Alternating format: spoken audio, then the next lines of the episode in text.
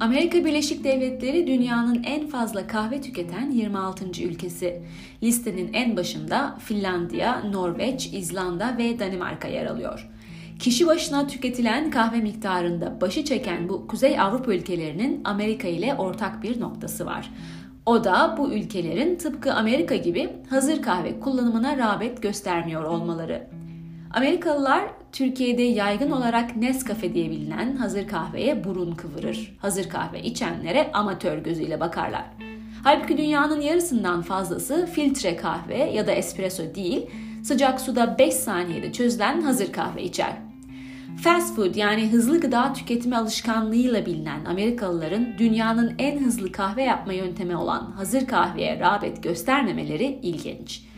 Hele bir de hazır kahvenin mucidi ve en büyük müşterisi Amerikan ordusu olunca. Demlenmiş kahvenin kurutulması ile yapılan hazır kahve ilk kez Amerikan Sivil Savaşı yıllarında Kuzey orduları tarafından askerleri cephede ayakta tutmak için üretilmiş. Amerikan ordusu 1. Dünya Savaşı'na girdiğinde Amerikan Savunma Bakanlığı Avrupa'ya gönderdiği askerlerinin morallerini yüksek tutmak için dünya piyasasında üretilen hazır kahvenin neredeyse tamamını satın alır olmuş. İkinci Dünya Savaşı'nda hazır kahve Amerikan askerlerini cephede enerjik tutmak ve ev özlemlerini biraz olsun gidermek amaçlı kullanılmış. Amerikan askerlerinin kahve tüketimi öyle bir seviyeye gelmiş ki hazır kahve bulamadıklarında İtalyanların espressosuna su katarak Americano'yu icat etmişler.